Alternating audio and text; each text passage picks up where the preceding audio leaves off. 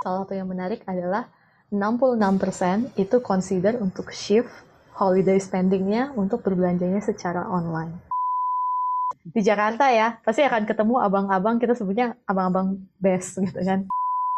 Um. Basically, even a startup or e-commerce like us, we we also have a lot of failure. Tapi yang penting kita bisa belajar dari situ, kita Iya. bisa cepet kan react-nya. Daily Social Podcast.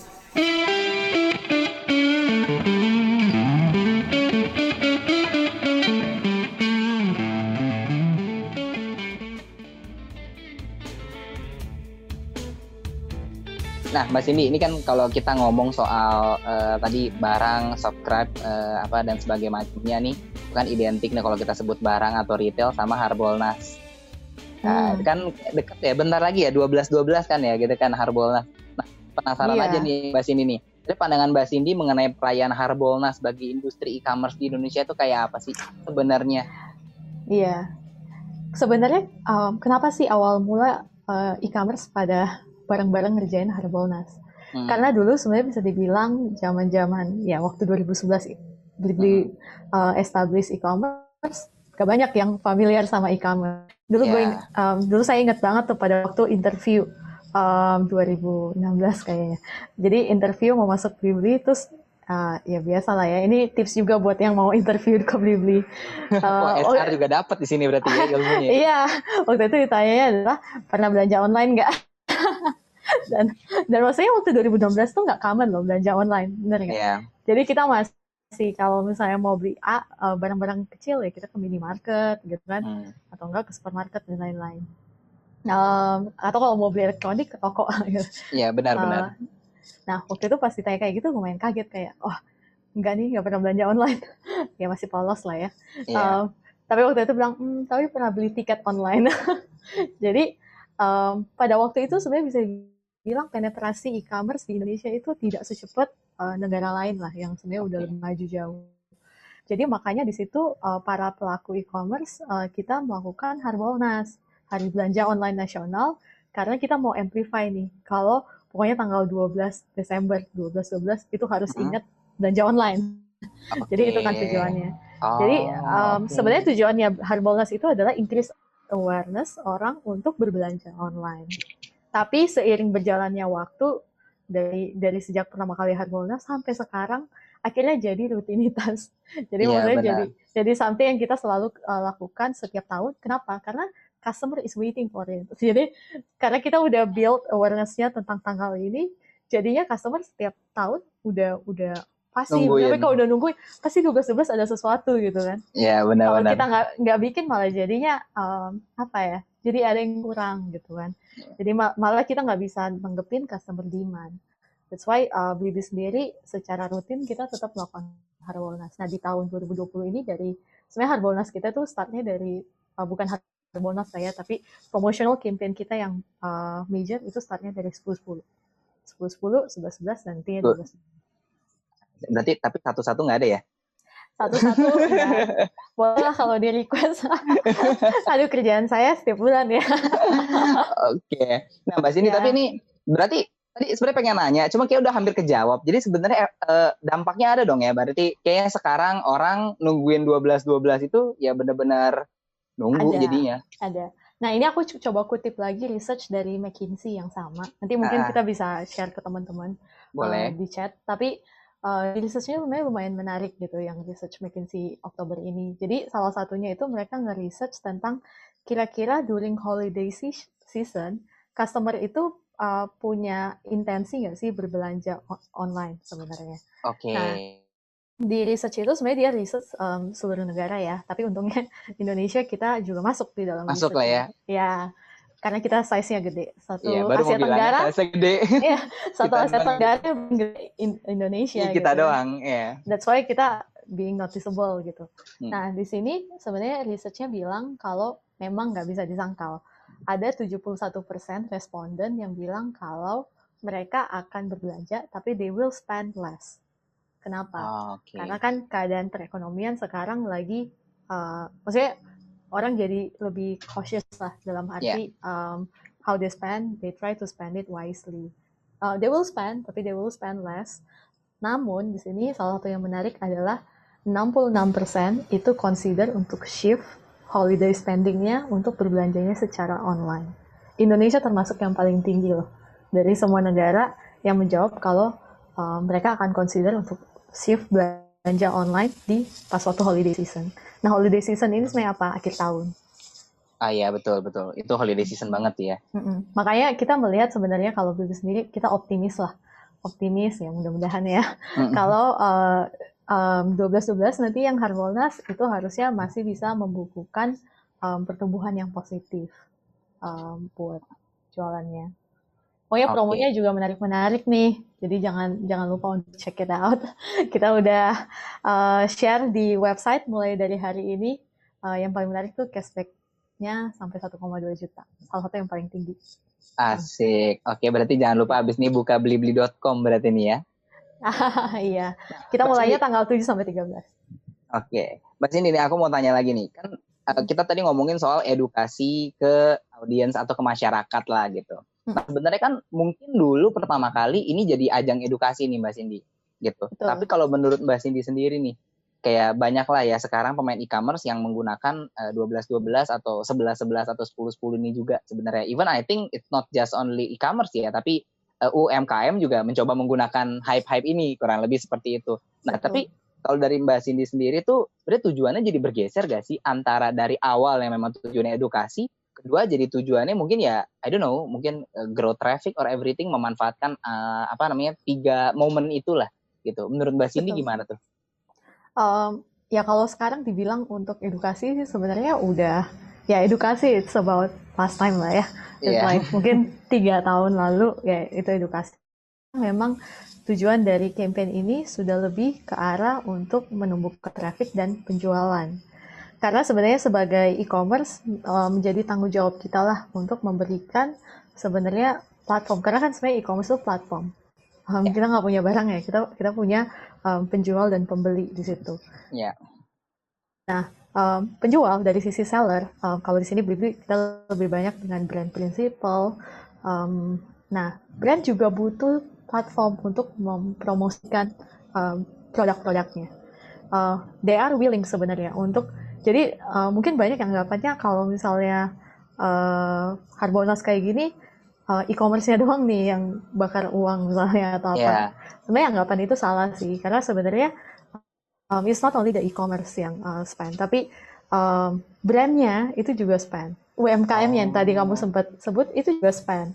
Jadi di- biasanya kita kalau mau uh, hard bonus kayak gini, Blibli akan share tuh kayak ke seller seller kita kalau misalnya um, kita bakal ada program ini, kita ajak seller-sellernya, ayo ikutan di program kita, kasih penawaran terbaik, nanti kita akan uh, bawa traffic ke brand-brandnya seperti itu.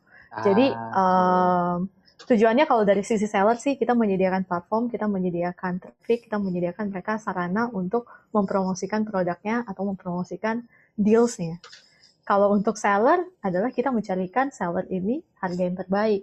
Jadi ketika misalnya karena kadang juga dilema ya, misalnya pasti ada yang um, beranggapan uh, ekonomi lagi susah kok kalian uh, encourage orang untuk belanja ya. mungkin ada yang berpikiran seperti Mm-mm. itu. Uh, myself, saya juga battling. Tapi yang aku harus ingat adalah di sini, uh, mungkin kita bukan menyuruh orang untuk overspending. Um, we, we don't want that. Tapi we want people to spend it wisely sebenarnya. Gimana Oke. sebenarnya kalau misalnya um, mungkin waktu itu uh, sempat ambil contoh nih, uh, misalnya kakak saya gitu kan, um, pengen beli PlayStation buat uh, anaknya walaupun sekarang udah ada PS5 ya yang baru lagi muncul dan udah nge-hype gitu kan. Benar, Um, pakai filter aja Mbak Cindy ada kok. Iya, biar, biar happy dulu ya. biar happy dulu aja. Tapi kan um, buat orang tua adalah um, anaknya butuh nih um, something to to be entertained at home gitu. Tapi uh, cost-nya nggak nggak murah gitu kan. Iya PlayStation buat- betul. Tapi pada waktu ada momen Harbolnas ini, di sinilah kita bisa menawarkan barang-barang ini dengan harga yang lebih murah gitu. Jadi Oke. sebenarnya ya sisi positifnya seperti itu sih. Jadi bukannya kita mau bikin orang untuk overspending, tapi sebaliknya. Wisely. Gimana kalau orang orang mau spend, mereka bisa spend wise karena value for money nih. Tanggal 12 12 ini kan value for money lah untuk beli. Iya. gitu.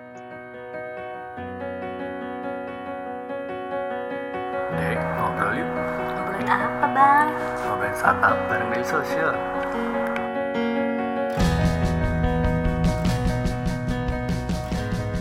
Daily Social Podcast.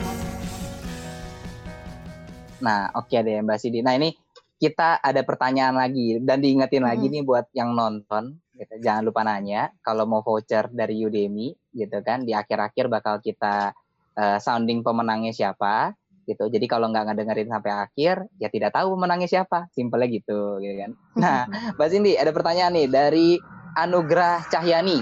Salah satu hal yang Hmm. krusial dalam commerce bisnis adalah logistik gitu kan. Nah, bisa Hmm. Mbak Cindy tolong minta jelasin gitu loh strategi beli-beli untuk solve isu logistik tuh gimana sih di beli-beli gitu. Ya, mungkin isu logistik ini bukan isu yang cuma dihadapin sama Blibli lah. Mungkin tadi Ya. saya sempat um, semua uh, perusahaan yang berusaha untuk um, expand dan berusaha untuk menjangkau seluruh Indonesia pasti akan mengalami problem yang logistik. Kenapa? Karena ya it's a it's a uh, gift from the God juga kalau kita punya wilayah kepulauan, benar kan? Yes. Tapi itu juga yang jadi challenges-nya, di mana uh, ongkos untuk mengirimkannya jadi lebih lebih mahal. It's either Mahal. lewat pesawat atau lewat kapal, mungkin lebih murah tapi lama gitu kan. Um, jadi kalau dari sisi logistik sendiri, apa yang dilakukan oleh Blibli? Nah, Ya. di sini sebenarnya kita mencoba untuk menggandeng uh, partner-partner logistik. Jadi sebenarnya kalau bisa dibilang di Blibli sendiri kita nggak sendirian. Jadi kita bekerja sama dengan banyak banget logistik par- partner. Uh, mungkin saat ini udah belasan. Um, ya udah tau lah ya pemain-pemain gedenya gitu. Nah, di sini logistik partnernya sendiri, uh, what we do in the behind is we try to make sure kalau logistik partner yang um, jadi kan ketika customer order mungkin ini yang agak berbeda nih. Uh, Kalau misalnya aku buka sedikit gitu, kalau customer yang pernah belanja di uh, tempat lain terus belanja di Blibli pasti akan merasakan loh kalau di Blibli kok nggak pilih logistik, ya kan? Iya. Biasa biasanya tempat lain mungkin pilih logistik lah mau kirim pakai A, A, B atau C gitu kan. Iya. Nah, di Blibli sendiri kita sebenarnya hanya menawarkan jenis jasanya. Mau kirimnya pakai standar, which is uh, lebih murah, tapi um, agak lebih lama pengirimannya, atau mau pakai same day atau instan. Uh, same day yang hari ini sampai. Atau kalau misalnya luar kota pakai express tuh, yang Ya. uh, lebih high levelnya dari yang standar. Nah, di belakangnya ini, Blibli punya sistem atau algoritma yang menentukan order ini akan diassign ke logistik yang mana. Oke. Jadi um, apa sih yang kita lakukan di belakang? Ya algonya lumayan kompleks, tapi basically adalah mencoba untuk match. Kalau misalnya dikirim ke lokasi A atau C, itu logistik mana yang performance-nya paling bagus dan harganya yang paling oke. Ya itu yang sebenarnya kita coba uh, lakukan. Uh, terlepas dari itu, kita juga uh, invest. Ini salah satu yang membedakan Blibli dengan uh, competitors-nya Iya. adalah kita invest di um, logistik dan warehousing. Tadi mungkin saya udah sebutkan Mm-mm. kalau di uh, apa ya di Blibli itu kita punya 20 uh, warehouse dengan 32 hubs yang Oke. uh, di luar uh, apa ya nggak cuma di Jakarta tapi juga sampai ke luar Pulau Jawa. Kita ada Sulawesi, kita ada di Makassar, um, Sumatera kita ada di Medan, even ada di Bali. Nah, um, investment kita dalam warehousing ini juga adalah salah satu cara kita untuk mencoba terus inovasi sehingga kita bisa mengurangi um, cost of shipping sambil memaintain kualitasnya. Jadi um, Oke. kita ada sebutannya Blibli Express Service. Jadi kalau misalnya pernah ada yang belanja di Blibli tuh, kalau saya misalnya. Di Jakarta ya, pasti akan ketemu abang-abang kita sebutnya abang-abang best gitu kan. Oh. Jadi uh, they usually you, uh, wear blue um, shirt, terus mereka akan uh, kirim ke uh, uh, ke rumah langsung ke rumah customernya. Jadi di situ Ah. sebenarnya um, nggak punya nggak hanya logistik uh, partner yang luar, kita juga punya in-house logistik. Jadi um, Hmm. ya kita terus-terusan berevolusi. Simpelnya kadang suka kayak gini misalnya kalau lagi Harbolnas kok kalian bisa kirim cepet banget gitu. Ya pasti ada trik-triknya lah di situ. Salah Ah, satunya oke. adalah peletakan barang. Jadi gimana dengan sistem algoritma dari warehousing kita kita bisa taruh barang-barang yang fast moving itu lebih dekat ke tempat untuk packaging. Oke. Ya. Itu tapi algoritmanya itu di belakang pakai teknologi berarti Mbak Cindy ya? Yang Iya, dan nentuin. semuanya built in house di di Oh, uh, oke. di- di- ya, because we are startup lah. Um, Iya that- lah. The most important thing dari startup adalah how we use technology to scale up. Uh, ya kan? Gimana Agree. kita bisa reduce cost dengan kemajuan teknologi. So that's one of the example. Oke deh, sip Mbak Cindy. Nah, ada pertanyaan lagi Mbak nih. Dari Lord Ahmad Ahmad. Waduh, namanya luar biasa sekali nih, Mas Lord ini. Iya. Katanya selain e-commerce juga ada social commerce. Nah, yang market yang marketnya juga gede katanya. Nah, bagaimana sih beli-beli melihat kondisi ini masih banyak yang nggak masuk dalam platform e-commerce kan gitu, social commerce ini gitu. Mm-mm. Um, betul banget. Jadi ya kalau bisa dibilang dulu waktu jual pertama kali e-commerce, saingannya siapa? Bukan sebenarnya saingannya bukan sesama e-commerce. Saingannya sebenarnya adalah platform sosial media. Karena Oke. banyak banget yang berjualannya di uh, ya Instagram, sosial media, Ya, Facebook, media, Instagram. Facebook, Instagram ya. Ya. Um, bahkan sekarang gimana cara kita dapetin inspirasi untuk belanja apa hari ini dari Instagram kan? Iya, go, benar. go through the story terus habis itu lihat eh ada makanan enak nih yang yang si restoran A lagi keluarin gitu. Hmm, So itu nggak bisa disangkal. Um, so rather than fight with it, um, kita sebenarnya embrace um, social commerce. Jadi um, dari sisi Blibli sendiri, um, kita punya tim social media. Um, tim social media sendiri ini adalah tim yang bertujuan untuk mencoba untuk capture market um, yang ada di uh, social um, social network inilah. Di situ um, selain itu kita juga melakukan um, apa ya dengan dengan algoritma yang terbaru, misalnya ya kita juga melakukan placement. Jadi um, though kita nggak berjualan di Instagram, tapi kita bisa beriklan di Instagram. Ya benar-benar. Uh, itu yang sebenarnya kita lakukan juga dari sisi uh, social commerce. Jadi um, pasti teman-teman sering lah, misalnya swipe swipe swipe ketemu misalnya brand A lagi bilang kalau eh gue ada exclusive launch atau enggak um, saya ada promo khusus di e-commerce B atau di Ya, Nah, itu cara kita untuk embrace um, social media as part of our business channel juga. I see. Iya. Oke deh Mbak. Banyak lah sekarang social media, even TikTok juga kita explore kok. Oh iya, kayak sering lihat tuh kayaknya ada iklannya beli-beli juga di TikTok kayaknya. Ah, iya. Um, harusnya nanti pas 12-12 bakal kelihatan. Lebih, lebih banyak lagi berarti. Within 7 sampai 13 uh, akan lihat beli di Oke, tenang kita kita akan buka TikTok lebih sering Mbak. Tapi ya mungkin yang aku harus ingetin adalah we have to know who is our customer. That's the Yeah. most important thing. Ketika kita tahu siapa customer kita, we learn our uh, we learn their behavior. Di mana Yeah. they they spend time the most. Kalau they spend time the most itu di social media, then we have to be there di social media juga. Caranya apa? Itulah yang kita harus explore. Apakah mau iklan? Apakah um, kita partnership sama brand-brand yang punya social media Yeah. account ini? Atau kita bikin activity social media itu juga menarik. Kemarin kita Oke. bikin TikTok activity tuh waktu 17 Agustus. And views-nya itu sampai billions loh. Hebat juga sih. Oh, oke. Ya.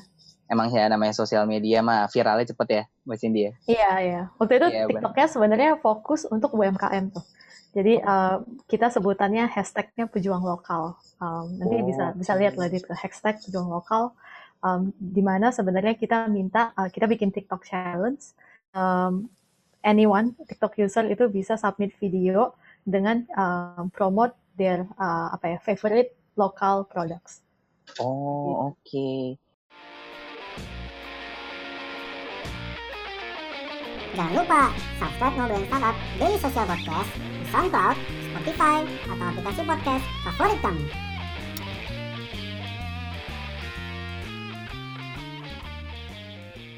Nah, tapi eh, Mbak Cindy nih, mungkin eh, ada pertanyaan lagi nih. Kalau Hmm. misalkan tadi kan kita lagi ngomong Harbolnas nih, gitu Hmm. kan. Nah, sebenarnya pola konsumsi masyarakat itu berubah gak sih gitu? Terutama yang transaksi lewat e-commerce dari Harbolnas sendiri maupun dari ketika COVID-19 lah ya. Kayak gitu. Hmm. Ada perubahan yang cukup jauh gak dari itu? Kalau misalnya kita lihat dari perubahan yang COVID-19 ya, Iya. em, sebenarnya ada perubahannya. Perubahannya itu em, yang pasti ad- adoption e-commerce atau online shopping em, semakin cepat lah. Em, yang tadinya kita prediksi mungkin dapat eh, adoptionnya dalam 2-3 tahun malah terjadi dalam setahun. Karena orang dipaksa untuk berubah um, pola uh, belanjanya, benar nggak? Dan manusia, uh, kenapa manusia itu uh, diciptakan Tuhan dengan punya um, is very we have the brain gitu karena um, brain inilah yang bikin kita punya kemampuan adaptasi yang tertinggi dibandingkan semua makhluk yang ada gitu. So by nature um, apa ya human will try to fulfill their need dengan coba beradaptasi. Salah satunya adalah belanja online. Nah kalau kita lihat dari uh, perubahan perilakunya itu adalah um, sebenarnya yang menarik grocery sih. Mungkin aku Oke. sampai berulang-ulang nih nyebut groceries. Tapi Iya, um, ya zaman dulu siapa sih kepikiran beli sayur atau bawang online, bener nggak? iya. Dulu di ke pasar ya dulu ya. Cindy, Iya, iya. ya. Iya, sekarang kan ke pasar agak takut. Nah, Iya, benar. um, dan di situ kita melihat sebenarnya pertumbuhan um, penjualan beli-beli, um, khususnya yang beli-beli mart itu juga positif banget dari sisi penjualan fresh uh, produce. Jadi um, yang tadinya mungkin agak susah nih masuk masalah beli sayur online karena orang takut busuk nih kalau sampai di rumah. Iya, iya, betul betul. Tapi akhirnya um, karena karena um, ada perubahan perilaku ini, jadinya they are willing to try. Karena paling susah kan nyari apa ya inovator atau innovator Iya. atau early adoptersnya kan. Iya. Di sini kita melihat eh, ya pertumbuhan delivery yang tadi bagus banget, aku bilang eh, naiknya sampai lima kali gitu. Jadi yang tadinya mungkin orang cuma beli susu atau beli minyak gitu kan, sekarang udah beli sampai ke eh, beli daging, beli Hmm. eh, sayur, beli eh, macam-macam lah. Gitu. Oke. Um, selain itu perubahannya juga di kesehatan. Kesehatan juga kita naiknya tinggi. Um, Oke. kalau nggak salah sekitar 6 sampai 7 kali tuh. Um, kenapa? Karena orang is more health conscious sekarang. Tadinya Iya. beli vitamin mungkin ya satu satu dus tiga Satu bulan dus. punya lah ya. Iya, benar benar setuju. Sekarang sedus Sekarang satu lah sedus satu bulan. ya lah. satu bulan, satu hari Iya, satu gitu kan. Iya, benar. Dan rutin. Nah itu juga kita melihat ada perubahan itu. Kalau dari sisi gadget yang tadi aku bilang, um, Iya. mung- jadi lebih cost conscious kan. Jadi mereka lebih um, melihat belanjanya itu yang gadget-gadget yang lebih ke ya middle middle low lah Mm-mm. seperti itu. Oke. Bisa bisa dilihat juga lah yang kayak uh, produsen-produsen besar ya, uh, Mm-mm. merek-merek gadget bisa lihat lately mereka keluarin gadgetnya harganya berapa. Itu sama mencerminkan sebenarnya. Marketnya Uh, ke mana ya berarti ya? Marketnya ke mana Oke. Ya. Oke oke. Nah Mbak Cindy, eh nih apa namanya udah 1954 nih, gitu. Jadi Ah, apa udah namanya? Iya. Tapi eh, thank you banget loh Mbak Cindy udah sharing sharing nih. Tapi sebelum kita pengumuman hadiah, eh, pengumuman yang tadi nih eh, penanya-penanya terbaik itu penutupan nih dari Mbak Cindy. Mbak Cindy, jadi tips buat eh, nge-build satu bisnis model yang cocok buat eh, produk market fit tuh gimana tuh Mbak Cindy? Tips-tipsnya tuh kayak gimana nih buat yang nonton lah? Oke. So, mungkin kalau dari saya, it's always start from the customers gitu. Jadi, um, yang paling penting adalah kita harus identify dulu siapa target market dari bisnis yang you, you're trying to build gitu. Um, ketika kita identify customernya, pasti kita harus cari tahu um, problemnya mereka apa. Um, ketika kita ngomongin product development, ada satu istilah yang namanya job to be done. Jadi, job to be done-nya apa sih dari yang coba kita solve? Di sini kita bisa lihat, oh, dulunya untuk denger musik orang harus beli album. Um, sekarang untuk denger musik, um, karena album mahal, kita coba innovate dengan streaming. Begitu juga online, belanja online. Tadi orang harus ke toko, spend a lot of time, time is money. Um, why not kita innovate dengan kirim barangnya langsung dari rumah, belanjanya dari handphone, ya kan? Um, jadi kita harus tahu dulu customernya siapa, um, dan kita harus cari tahu um, pain points-nya mereka apa. Jadi underserved needs-nya mereka apa? Apa sih needs mereka yang sekarang masih belum ke solve? Dan kadang suka salah tuh, karena um, ketika mau cari tahu needs-nya, kita tanya ke customer kamu butuh apa? itu, itu salah satu common mistake, bener nggak? Iya Jadi, benar. um, salah satu yang menarik adalah um, salah satu perumpamannya dulu kalau orang mau nanya kalau gue bisa travel dari satu tempat A ke tempat B butuh apa orang akan bilang better horses gitu Iya. karena mereka mau lebih cepat lah naik kudanya lebih cepat biar sampai ke B tapi they will not think about bikin mobil Iya Gitu. benar. Jadi makanya kita harus cari tahu um, customer dan goalnya apa setelah itu kita build produknya kita build produknya untuk suit to the market Um, dan ketika kita ca- capai yang namanya product market fit it's something yang kita akan coba questions back gitu. Um, kapan kita bisa tahu kita udah nyampe product market fit? Itu ketika kita lihat pertumbuhan customer atau kita lihat pertumbuhan order kita itu apa consistently is in the apa ya bisa bilang consistently growing lah. Jadi um, misalnya kalau bulan Januari kita ordernya tahun ini 100, tahun Hmm. depan harapannya 200 benar. 200 ya. Terlepas dari seasonality, tapi kita harus um, selalu coba expect untuk um, dapetin growth. That's why all the startup is concerned about growth. Yes. Um, product market fit sendiri adalah ketika kita melihat kita udah consistently reach that growth tanpa kita harus spend so much, gitu kan. Um, jadi cost-nya lebih turun, tapi growth-nya lebih tinggi. Um, nah, questions yang di situ adalah kita harus tanya ke customer-nya habis itu. Ketika one day misalnya our company is um, gone, kira-kira apa sih yang bakal mereka miss the most dari company itu? Oke. Kayak kalau kalau um, our customer is finding it's a bit hard untuk jawab, then must be something yang wrong. Itu that's why kita harus lihat lagi bisnis modelnya. Apa nih yang kita masih belum innovate? Mungkin um, value propositionnya kurang pas, atau cost-nya terlalu mahal Yeah. dan lain-lain. Jadi um, coba dilihat dari angle itu dari customer, lihat dari produk kita, kemudian refer back ke bisnis model kita. Apa yang kita bisa innovate di sana? Pillar yang mana yang bisa kita innovate di sana? Ya, keep trying lah. Um, Oke. Basically, even a startup or e-commerce like us, we we also have a lot of failure. Tapi most- yang penting kita bisa belajar dari situ, kita Iya. bisa cepet kan react-nya. Diputar lah ya, habis dipelajarin, terus di ada eh, apa ulang lagi, cek lagi, belajar lagi gitu ya, Iya, ya. iya. Ka- Kalau um, banyak teman-teman mungkin di sini yang uh, ya startup, ya kita tahu lah ya proses iterasi. Nah, bisnis model juga sama. Um, we we have to iterate. Kalau misalnya we see something is not match, dan um, kita cari tahu apa yang salah dan kita coba ubah, tes terus lah. Oke deh, sip. Thank you banget Mbak Cindy malam hari ini gitu. Oke, eh, thank you banget loh Mbak Cindy waktunya malam hari ini gitu. Moga-mogahan ini bisa jadi insight juga buat teman-teman yang nonton hari ini juga dan juga bisa eh, ngebawa eh, teman-teman biar lebih bagus lagi nih bikin bisnis modelnya nih Mbak Cindy. Iya, thank you banget juga Marcelo sama tim dari Social ID. Oke yang deh. kita. Sip. Jangan capek-capek yang ngundangnya. Ah, ya nggak apa Mbak Cindy nanti kita ngobrol lagi. Kalau diterusin mah panjang loh ini. Hmm, oke. Looking forward. Oke deh, sip. Thank you ya Mbak Cindy. See you. Thank you semua. Thank you, see you. Thank you juga yang nonton.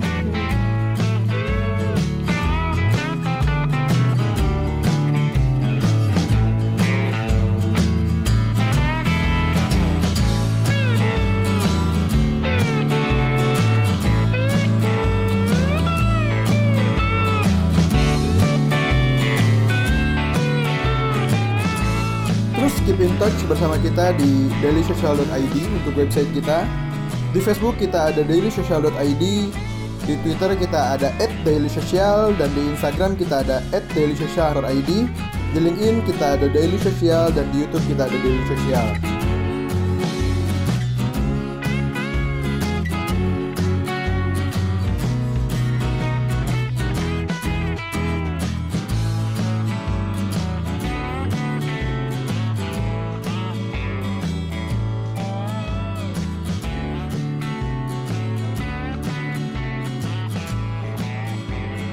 Daily Social Podcast.